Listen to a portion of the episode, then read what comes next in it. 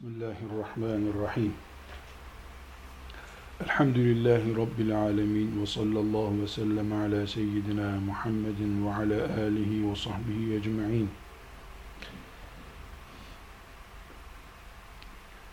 Namaz fıkhına girmeden önce namazın inceliklerini ve namazın bir Müslüman olarak bizim akidemizde, umudumuzdaki yerini bir kere daha hatırlamamızda fayda var. Namaz dindir. Dinin ta kendisidir. Namaz kafirlerle müminler arasındaki farktır. Namaz Allahu Teala'nın huzurunda mi'raca yükselmektir.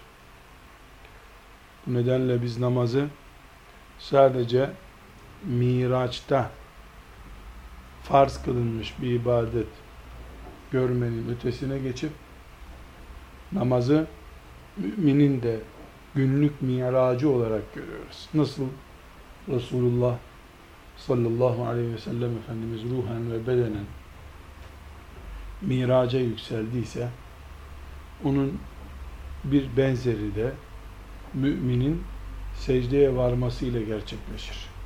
Abdest alıp namaz kılan mümin Rabbinin huzurunda mi'raca yükselmiş olur. Namazı bu şekilde görüyoruz, görmemiz gerekiyor ve namaz budur. Bu olmadıkça da İslam yoktur. Ağaç dikmekle, hayır kurumları ile ilgilenmekle, e, yol yaptırmak, köy çeşmesi yaptırmakla iyi Müslümanlık olunulmaz. İyi Müslümanlık startı namazla verilebilir. Ne kadar ezana icabet eden, hayya alas salah davetiyesine kulak asan bir müminse o kadar e, mümin kalitesini ispat etmiş olur. Salih mümin e, vasfına kavuşmuş olur. Bunu bu şekilde tespit ediyoruz. Namaz e, İslam'ın ilk gününden itibaren farz değildi. Resulullah sallallahu aleyhi ve sellem Efendimizin e, bi'setinin ta 10. senesinden sonraki dönemde Miraç'ta farz kılındı. Ümmeti Muhammed'in e, Kur'an, sünnet, icma gibi bütün kaynaklarıyla sabit olan en mühim ibadetidir. Resulullah sallallahu aleyhi ve sellem İslam'ı öğretmiş. İslam'ın başında da namazı öğretmiş. Bu fani alemden gitmiştir. Bu şekilde iman ediyoruz. Namazın şartlarına, ayrıntılarına adım adım gireceğiz. Ee, ama önce bir iki e, tespit yapmamızda fayda var. Namaz yüzde yüz bedenle icra edilebilen bir ibadettir. Bu yüzden yüzde yüz bedenle yapıldığından e, namazı vekaleten kıldırmak yani ben kılamayacağım sen benim yerime kıl diye vekalet vermek hiçbir şekilde mümkün değildir. Zekat öyle değil mesela. Zekatta e, ben götüremiyorum, şu zekatımı götür diyebilir mümin. Hanımının zekatını hanımıyla istişare ederek e, eşi verebilir. Ama namazda herkes, bedeni olan herkes kendisi namaz kılacak, namaz rükû yapacak, secdesi yapacak. Öbür türlü e, namaz ibadetini e, de, yerine getirmiş olmak mümkün değildir. Namazla ilgili e, söylenecek hikmetler elbette vardır. İşte Allahu Teala'nın nimetleri üzerimizde sayılamayacak kadardır. Biz de iman ettik. Bu imanımızın gereği bizim şükür olarak ibadet yapmamız lazım. Yapabileceğimiz en büyük ibadette namazdır. Böyle sayıp zikredilebilir. Namaz insanın e, işte vakit disiplini sağlıyor, namaz insana sıhhat sağlıyor, hatta namaz kılan kolesterol olmaz, namaz kılanın romatizması olmaz vesaire vesaire pek çok şey zikredebiliriz. Tamamı bunların yok hükmündedir. Neden? Mümin Allah'a teslim olmuş, Allah'ın emrini yerine getirmeyi taahhüt etmiş insandır. Ondan sonra mümin bir daha kalkıp romatizmasına iyi gelecek diye namaz kılamaz. Öyle namaz olmaz zaten. İşte vakit disiplini olsun, istikrarlı olsun diye namaz öyle ibadet olmaz. Ona asla namaz denmez. Namaz daha farklı duygularla ve yegane gayesi Allah'ın rızasını kazanmak olan bir gaye ile yapılırsa ibadettir, namazdır. Evet, biz ibadetleri yaparken, mesela namazı yerine getirirken filan e, özelliğimizde, mesela vakit disiplinimizde, mesela sıhhatimizde bundan yararlanacak diye bilsek bunun bir sakıncası olmaz. Ama o niyetle ibadet yapılmaz. Yani kolesterolü yükselmesin diye Müslüman cemaate gitse bundan ne sevap kazanacak? İşte yürüyüş zaten yapamıyorum, bari camiye gideyim. Bari camiye gideyim diye yapılan iş, ibadet olmaz. Bunu bir kenara koyuyoruz. Allah emretti, mümin de Allah'ın her emrine uyacağım diye söz verdi. Namaz da bunun için yapılır. Özeti bu, bu işin. Namaz bütün ibadetlerde olduğu gibi Müslümana emredilen bir ibadettir. Müslüman namaz kılar. İslam'a girmedikçe kimseye namaz emri yok. İslam bir defa bulunacak. İslam'ın içinde namaz emrine ittiba edilecek. İkinci olarak da mükellef olmanın bir şartı olarak akil olmak, yani akıllı olmak şartı da vardır. Aklı olmayana da Allahu Teala hiçbir şey emretmediği gibi namazı da emretmemektir. Ne kadar akıllılık, ne kadar da akılsızlık bu fıkhın başka bölümlerinde karşımıza çıkacak. Yani aklın, akıllı olmanın ölçüsü nedir? Mükelleflik standartları diyebileceğimiz. Yani bir Müslümana mükellef ne zaman deniyor? Nasıl mükellef oluyor? Bu ayrıntılarda bu meseleyi göreceğiz ama özellikle 24 e, saatten fazla akli melekesini kullanamayan insan namaza karşı sorumluluğu kalkmış insandır.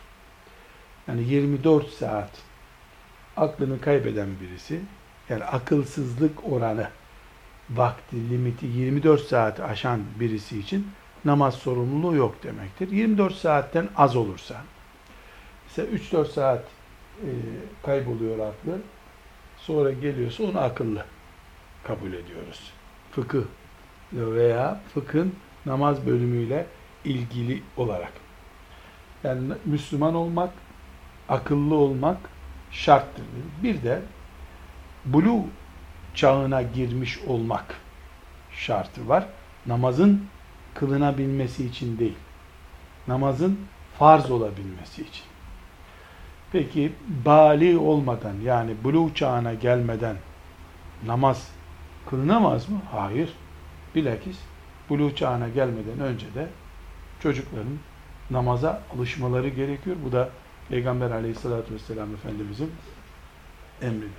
7 yaşından itibaren e, çocuk seccade başına geçmeli. 7 yaşından önceki çocuklar eğilip kalkarlar. Yani onların e, 7 yaşından önceki çocukların e, namaz ciddiyetiyle namaz kılmaları, e, camiye gidip cemaate uymaları gibi şeyleri beklemek biraz abartıdır. Ama 7 yaşına kadar da bunun ısındırılması gerekiyor mu? Gerekiyor. Yalnız küçük bir e, ayrıntı konumuz henüz o konu değil ama özellikle e, tekrarında da fayda var. O bakımdan zikredelim. Şimdi anne ve baba özellikle çocuğunun namaz terbiyesiyle yetişmesinden sorumlu şüphesiz. Anne ve baba çocuğunun namazıyla ne zamandan itibaren ilgilenmeliler? Herhalde doğduğundan itibaren bunu dert etmeliler. Doğmadan önce bunu hayal etmeliler. E, annelik babalık düzeyi bunu gerektiriyor.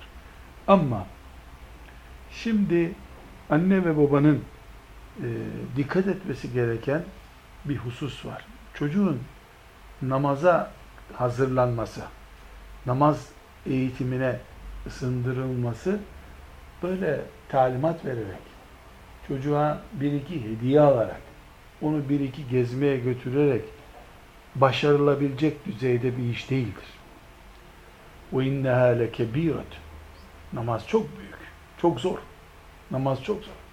Kur'an-ı Kerim وَأْمُرْ أَهْلَكَ بِالصَّلَاةِ وَاسْطَبِرْ عَلَيْهَا buyuruyor. Ailene namazı emret, وَاسْطَبِرْ عَلَيْهَا Namaza bu alanda da namaz konusunda da sabır et ha, sabırsız olacak bir şey değil çünkü. Burada anne babaları ilgilendiren veya annelik babalık durumunda olan e, kimseleri ilgilendiren çok önemli bir husus. Şimdi çocuklara namazın e, rükûsunu, secdesini, iftitah tekbirini, selam verişini vesaireyi hatta namazda okunan Fatiha suresini ve diğer mübarek duaları öğretmek çok kolaydır. Bir günde çocuk bunları kavrayabilir. Dualarla beraber yani iyi zekalı bir çocuk bir günde farz ve nafile bütün namazları öğrenir. Ama namaz kılacak çocuk haline getirmek çok zor. Öyle değil. Yani çocuk Fatiha'yı ezberledi, Sübhan Rabbiyel Azim demeyi ezberledi, rükû babasından güzel yaptı. Bu iş bitmedi. Bu iş başlıyor henüz. Henüz başlıyor. Sabah namazına zevkle kalkabilmek, yatsı namazını zevkle kılabilmek, oynarken ezanı duyunca namaza koşabilmek, namaz kıldırmak budur. Buna namaz deniyor.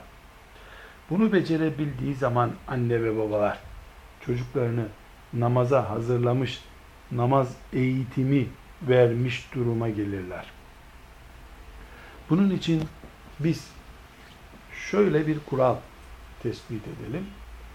Namazı öğretmek başka şey, namaza eğitmek başka şey. Namaza eğitmek uzun zaman ister. Epey bir zaman ister. Ve anneler, babalar çocuklarının namaza alıştırılmalarında kesinlikle bir aylıkken, bir günlükken bile plan proje yapmalıdırlar. Bu hesaba kitaba alınmalıdır.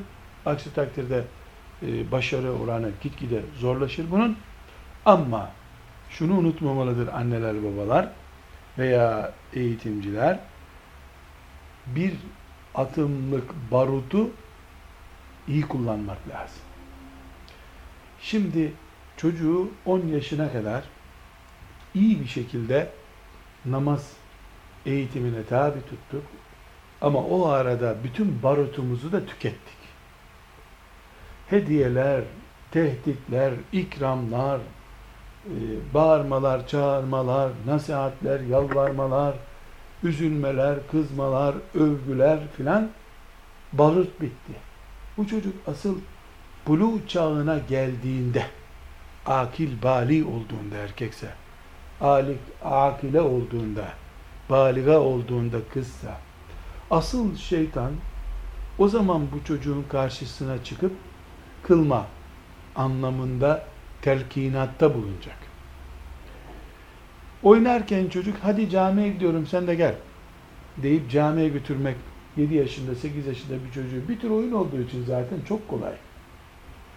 Ama çocuk bali olup gözünü dünyaya açtığında, arkadaşlarıyla oturup hesap kitap yaptığında, oturup e, çocuk kendisine hayat geleceği tasavvur etmeye başladığında, oturup çocuk e, kendisi için planlar, projeler yapıp işte ağır işler, hafif işler diye ayrım yapmaya başladığında, şu yüzü sivilcelendiği zamanlarda çocuğa söz söyleyecek mecal bırakması lazım anne babanın kendisinde.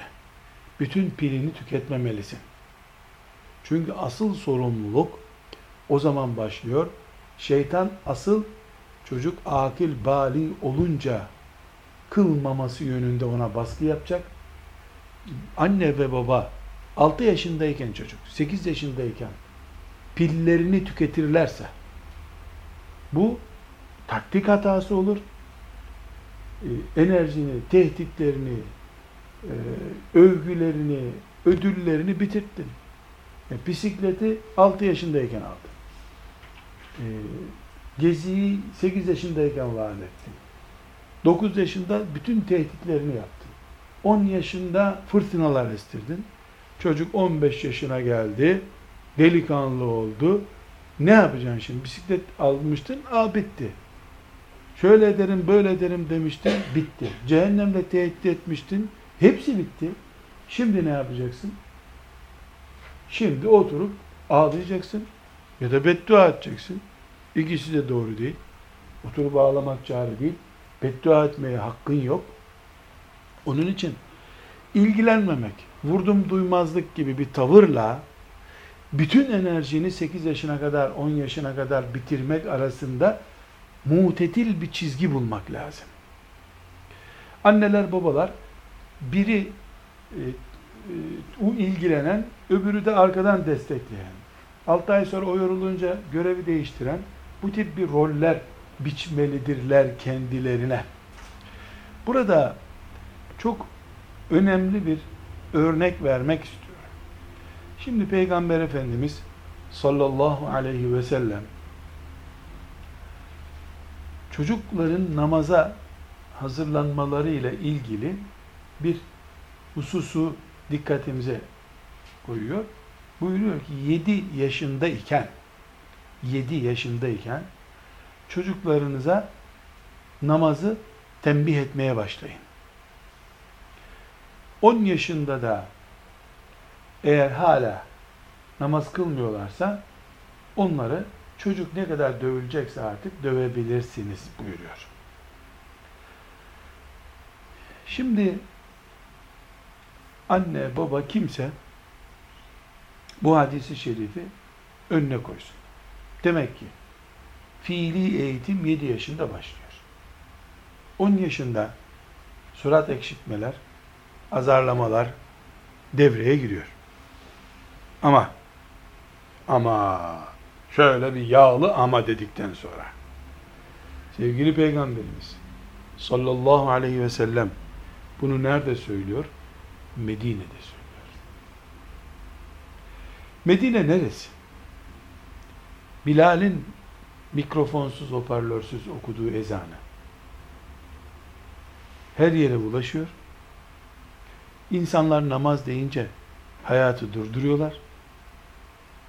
Namaz kılmayan birisine münafık deniyor. Medine'den dışlanıyor. Değil kız almak, kız vermek münafığa, namaz kılmayana. Onun geçtiği sokaktan insanlar geçmiyorlar. Münafıklar bile, kalbinde iman olmayanlar bile mescide gidip namaz kılma ihtiyacı hissediyorlar. Böyle bir şehirde yani çocuk doğuyor, annesinden, annesinin göğsünden dudaklarını çıkarıyor, namaz kılan birini görüyor. Namazı hayat olarak görüyor. Namazı başka çaresi olmayan, onsuz Medine'de kalmanın mümkün olmadığı bir iş olarak görüyor. Böyle bir ortamda, bu ortamda Resulullah sallallahu aleyhi ve sellem Efendimiz ne diyor?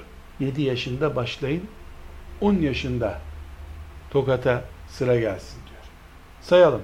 7, 1, 8, 2, 9, 3, 10, 4.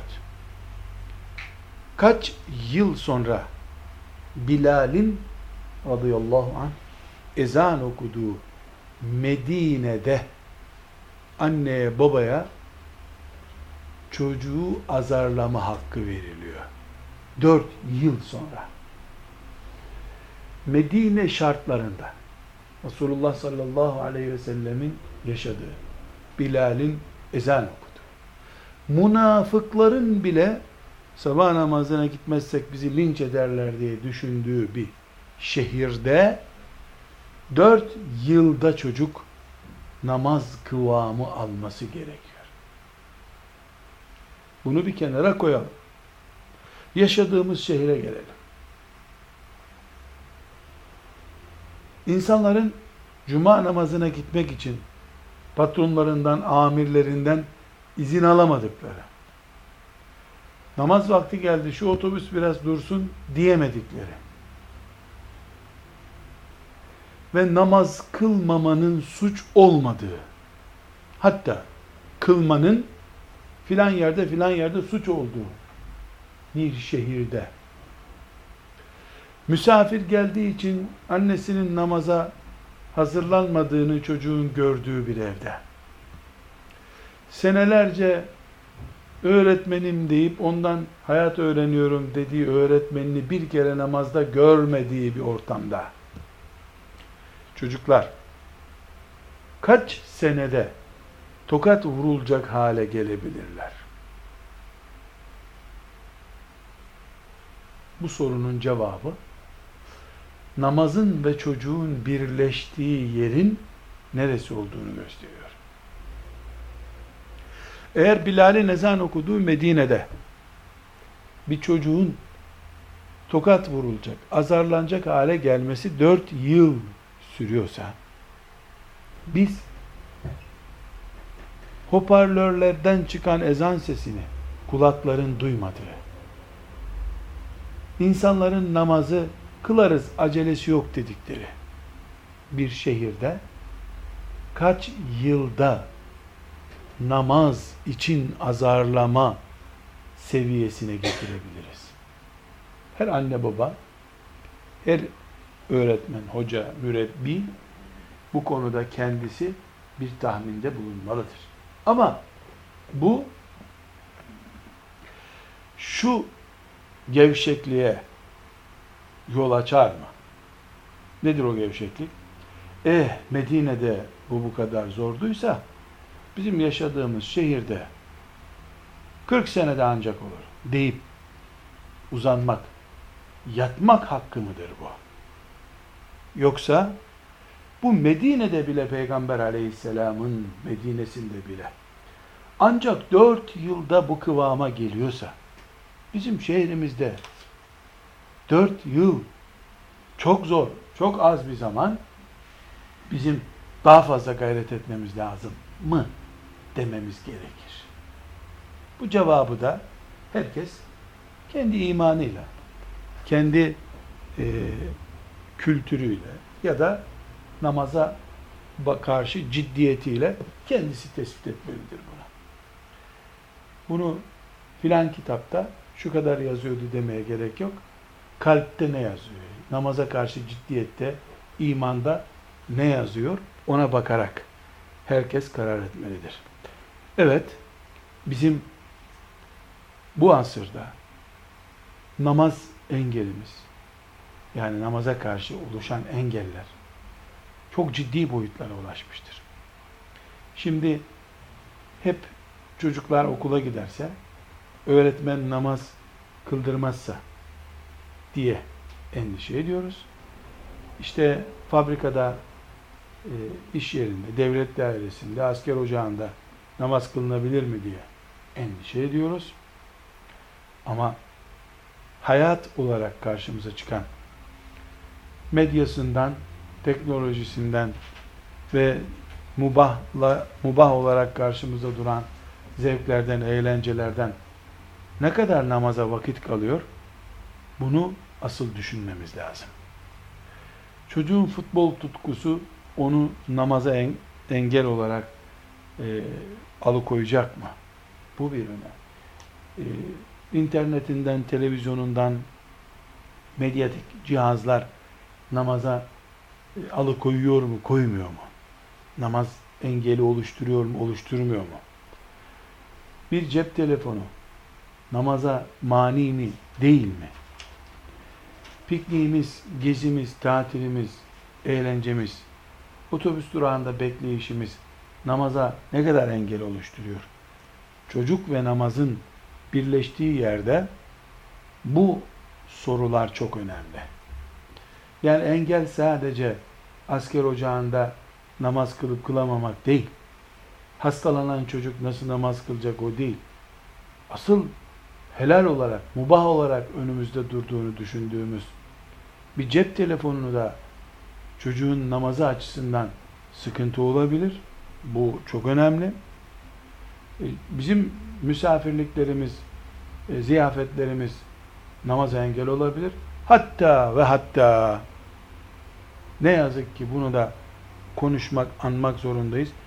Yaptığımız iftar programı Ramazan'da akşam namazını kaçırmamıza neden olabilir mi acaba? Yani iftara gidiyoruz, iftardan geliyoruz diye akşam namazını kaçırmış olabilir miyiz? Ramazan günü gibi bir günde. Bu asırda biz namazı kılmanın, namazı ikame etmenin demiyorum. İkame düzeyinde yani hakkını vererek şöyle miraç düzeyinde namaz. Hadi onu bir e, rafta şimdilik bekletelim. Sıradan bir namaz kılmanın bile bu asırda ortaya çıkmış yığınla örneği var. Mesela bir trafiğe tıkanmış bir Müslüman ne yapacak? Ailece e, bir yola çıktık. Trafikte bir tıkandık kaldık. Otobanın ortasındayız. Biz akşam namazını filan yere yetişeceğiz diye hesap etmiştik. Akşam namazı vakti çıkıyor, yatsı geliyor. Hala biz trafikteyiz. Ne kenara park edebilirsin, ne bir duracak yer imkanı var. Tıkandık kaldık. Saatlerdir burada bekliyoruz. Bu asır sorun üstüne sorun getiriyor. Evet teknolojik olay, evet dijital tespihler yapıldı, evet e, yani teyemmüme gerek yok, çağrı cihazıyla, ses cihazıyla, telefonla su getirtirebilirsin ayağına, ne bileyim bir sürü imkanlar, kolaylıkla ama namaz hala zor. Namaz hala zor. Neden? Çünkü namaz dinin direğidir ve kıyamete kadar namaz kolay olmayacak hiçbir zaman. En son insan bile namazda büyük sıkıntı çekecek. Bu büyükler için böyle konuşuyoruz. Bunu hiç büyüklerin üstüne yıkmadan çocuklar için düşüneceğimiz bir gerçek. Çocuklarımız için ne kadar e, kolay, ne kadar bizim bu vebalden, sorumluluktan e, kurtulmamızı sağlayacak imkanlar var. Bunu hesap etmemiz gerekiyor. Benim özellikle burada e, vurgulamakta fayda gördüğüm bir şey var.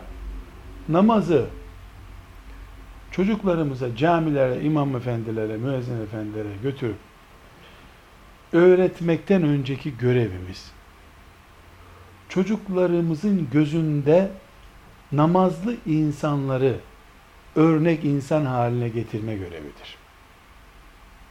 Çok açık ve net bir şekilde söylemekte fayda vardır.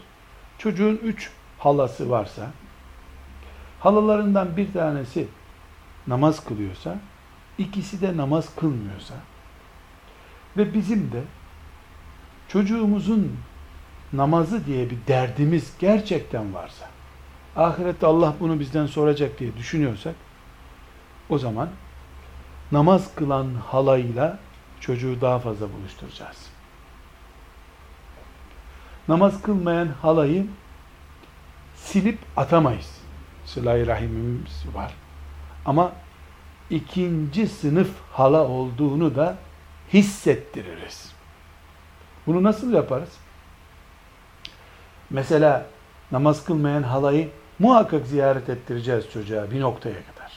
Elbette bir noktaya kadar o da. Ama namaz saati olmayan bir saatte randevuleşip gideceğiz. Öğle namazını evimizde kılacağız ya da yatsı namazını çocuğumuzda kılacağız. O halaya gittiğimiz zaman namaz saati geldiği halde halanın hala seccade sermeyen bir hala olduğunu o çocuğumuz görmemesi gerekiyor diye düşüneceğiz. Aksi takdirde hala gibi sempatik, teyze gibi sempatik ve çocuğun gözünde cazip bir insanın namaz kılmamasını çocuğun da namaz kılmamak için zihninde oluşacak bir taviz nedeni olarak biz hazırlamış oluruz. Çok sevdiği bir teyzesi ve halası onun gözü önünde akşam namazını, öğle namazını kaçırdıysa ve biz de o halayla savaşmadıysak o arada ki savaşamayız. Çocuğumuz 10 sene sonra, 20 sene sonra niye namaz kılmıyorsun diye müdahale ettiğimiz zaman bize çıkıp da halam da kılmıyor demez elbette. Diyemez. Dedirtmeyiz bunu.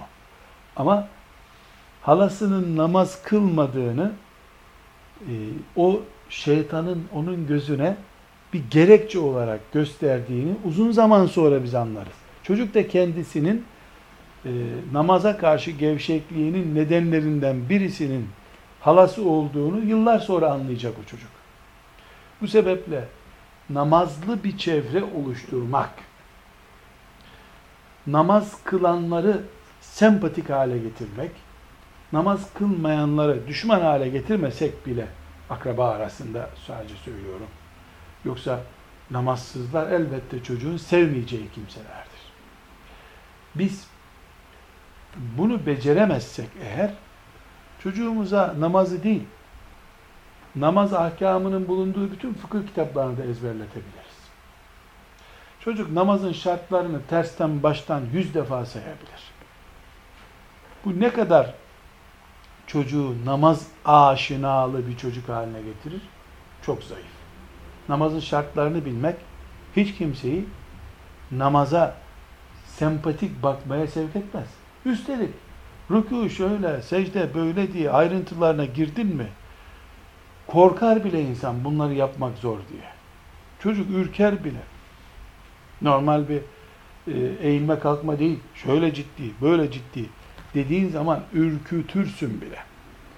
Bu sebeple namaz konusunda çocuğa vereceğimiz en büyük destek namazlı bir çevre desteğidir.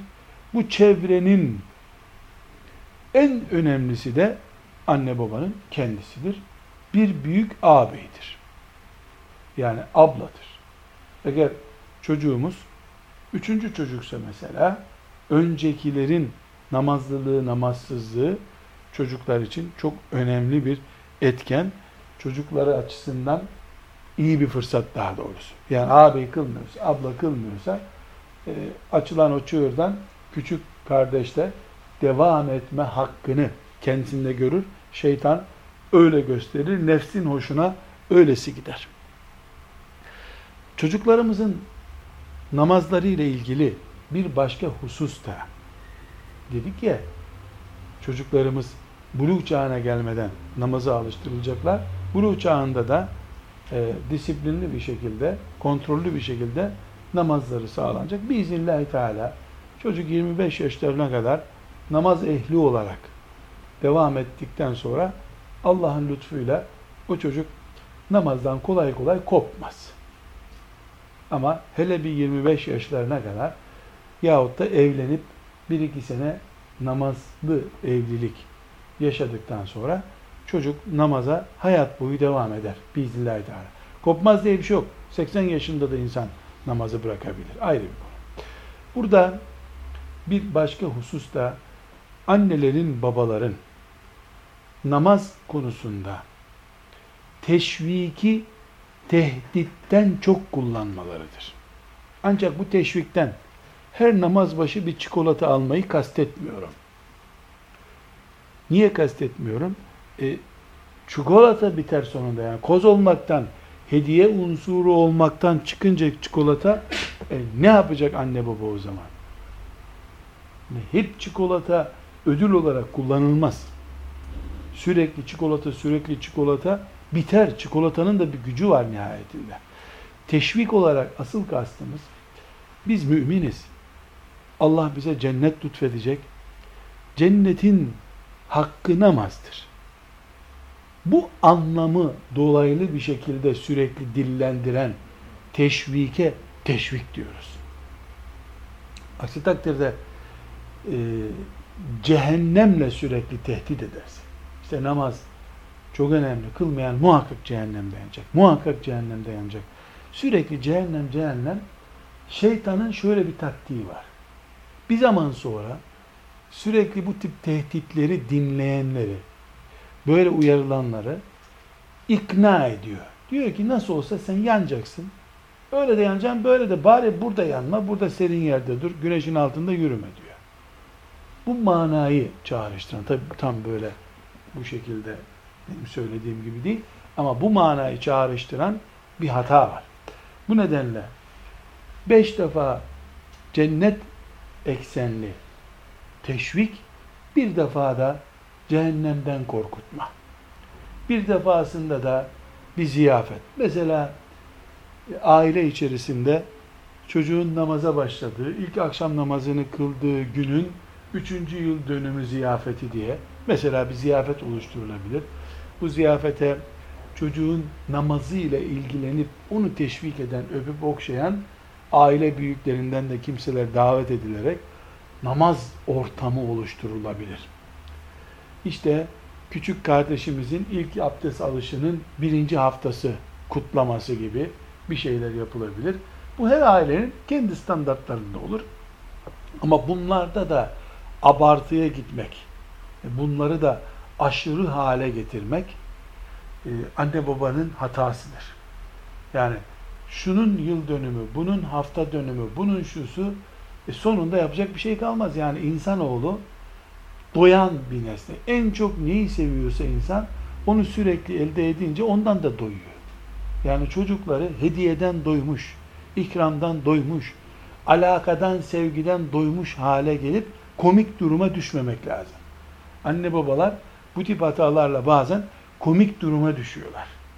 E, çocuk mesela şunu yapıyorsa eğer komik duruma düştük demektir. E bu hafta neyin yıl dönümü var anne? Bunu bir ne yapacağız? Ne kutlayacağız? Demek ki kutlamalar, hediyeler cıvıtmıştır. Bu noktaya getirmemek lazım. E, 15 senede bir deyip de böyle bir kısırlık da sergilememek gerekiyor. Çocuklarımızın sürekli teşvik ortamında olmaları bazen sözlü, bazen mali değeri olan şeyler, bazen sevgi eksenli şeyler. Ee, mesela dedelerle, nenelerle, halalarla, teyzelerle anlaşıp onların böyle mesela ziyafet yerine dede kalkıp köyden geliyor, torununun şu namazı kılışını, işte şurayı ezberleyişini tebriğe geliyor. Bu bir kamuoyudur. Kamuoyu oluşturma mücadelesidir. Namazımızın en büyük zorluğu bu asırda kamu oyundan yoksun oluşudur. Bayramdan bayrama kalabalık görüntüye sahip olup ondan sonra o kalabalığı özler hale gelmesidir namaz. Müslüman namazlı anne babaların evlerinde bile namazın kamu oyundan mahrum yaşamak zorunda oluşudur. En büyük zorluğumuz budur. Namaz bir gündem değil. Kız isteyen bir gence kaçırdığı namaz var mı diye hayatta sorulmuyor. Gençler bilse ki bunlar geçen hafta benim camiye gitmediğimi, hiç cami görmediğimi, cuma kaçırdığımı muhakkak öğrenirler ve kız vermezler. Bunu bir öğrense gençler, böyle bir ciddiyeti görseler, e, dikkat etmezler mi genç? Evet gene namaz kusuru olur. Gene namaz aksatması mümkündür. Yani bu illa hatadan korunacağız diye bir şey yok. Ama bu kadar laubalilik namaza karşı bu kadar da esneklik olmaz. Bir önemli işin gündeme gelmesini istiyorum burada. Namaz ve dayak anne babanın elinde birleşsin mi? Birleşirse ne olur? Şimdi hadis-i şerif 10 yaşından itibaren dövebilirsiniz diyor. Ama hiçbir sahabi peygamberin önünde çocuk dövmemiş. Namazı becerttikleri için. Tamam. Güzel. Şimdi biz iki şeye dikkat edeceğiz. Birincisi gerçekten çocuk namaz kılmadı, kılmıyor diye mi çocuğu dövüyoruz? Bu çok ince. Tekrar soruyorum.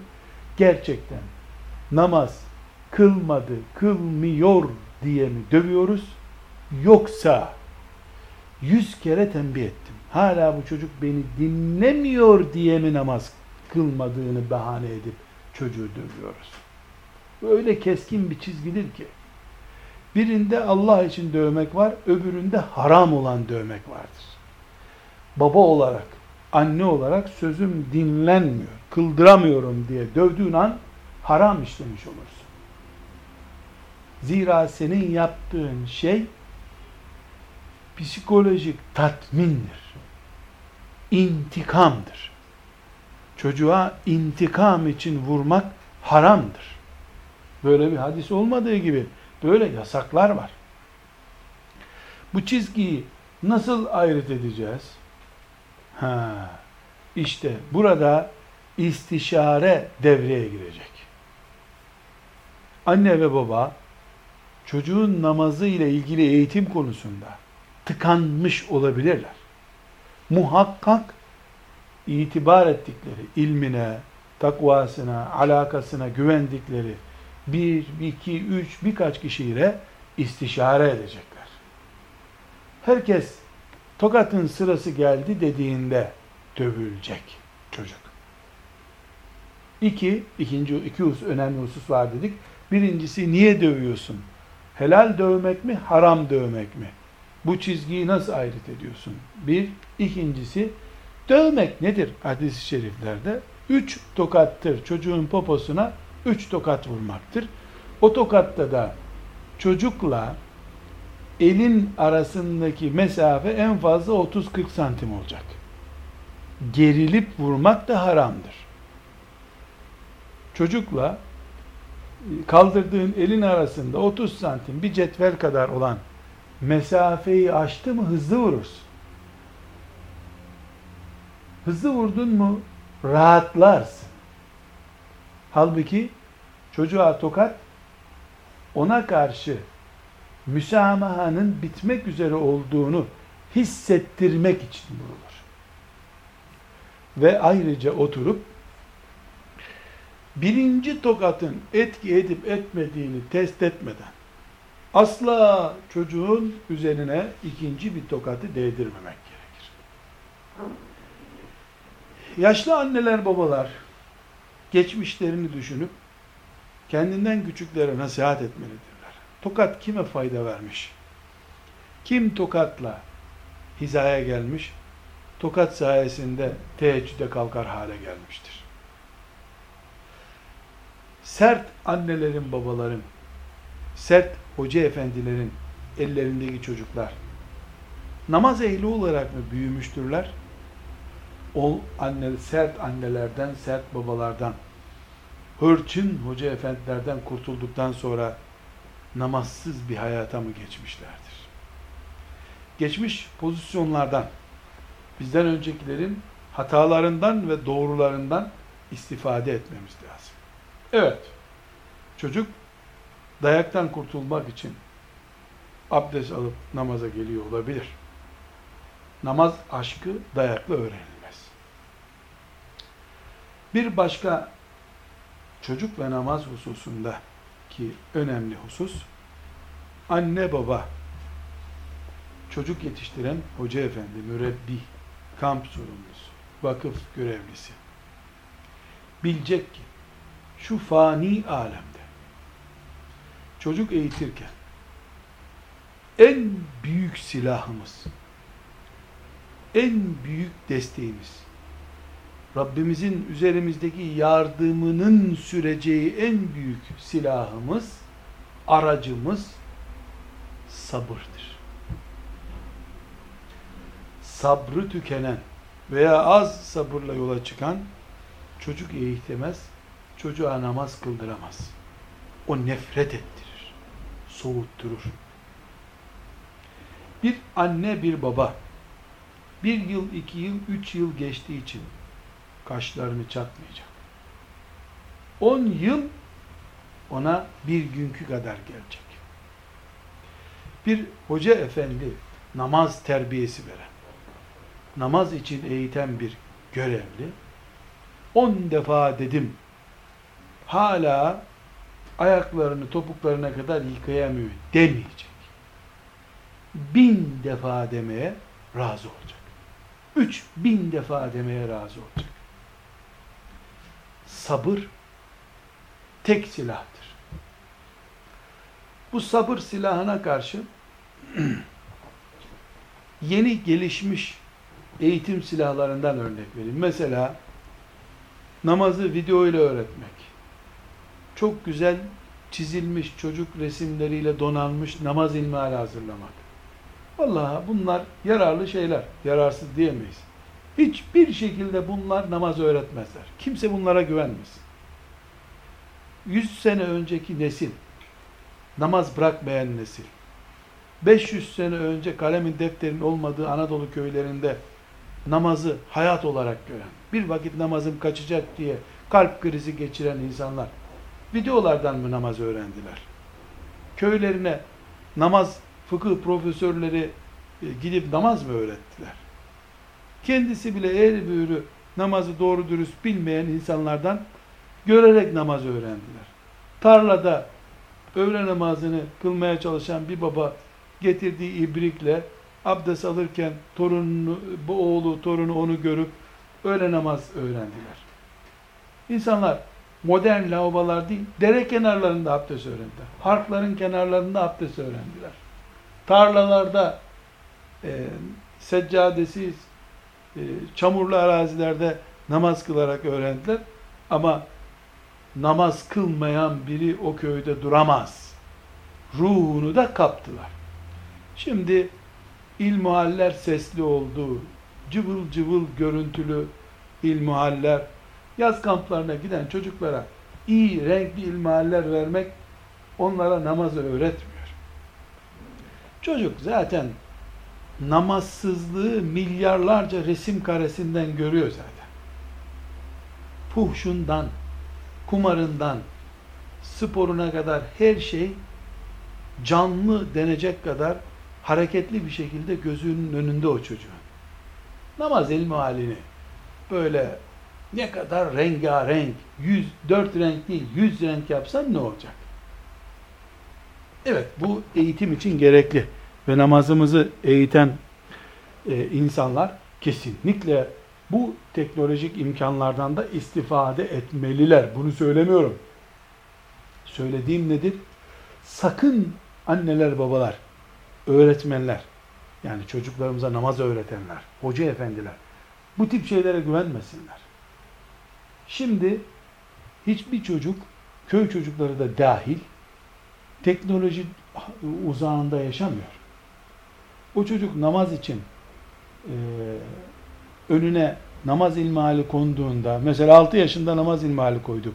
Böyle rengarenk, cazip namaz ilmihali koyduk diyelim çocuğun.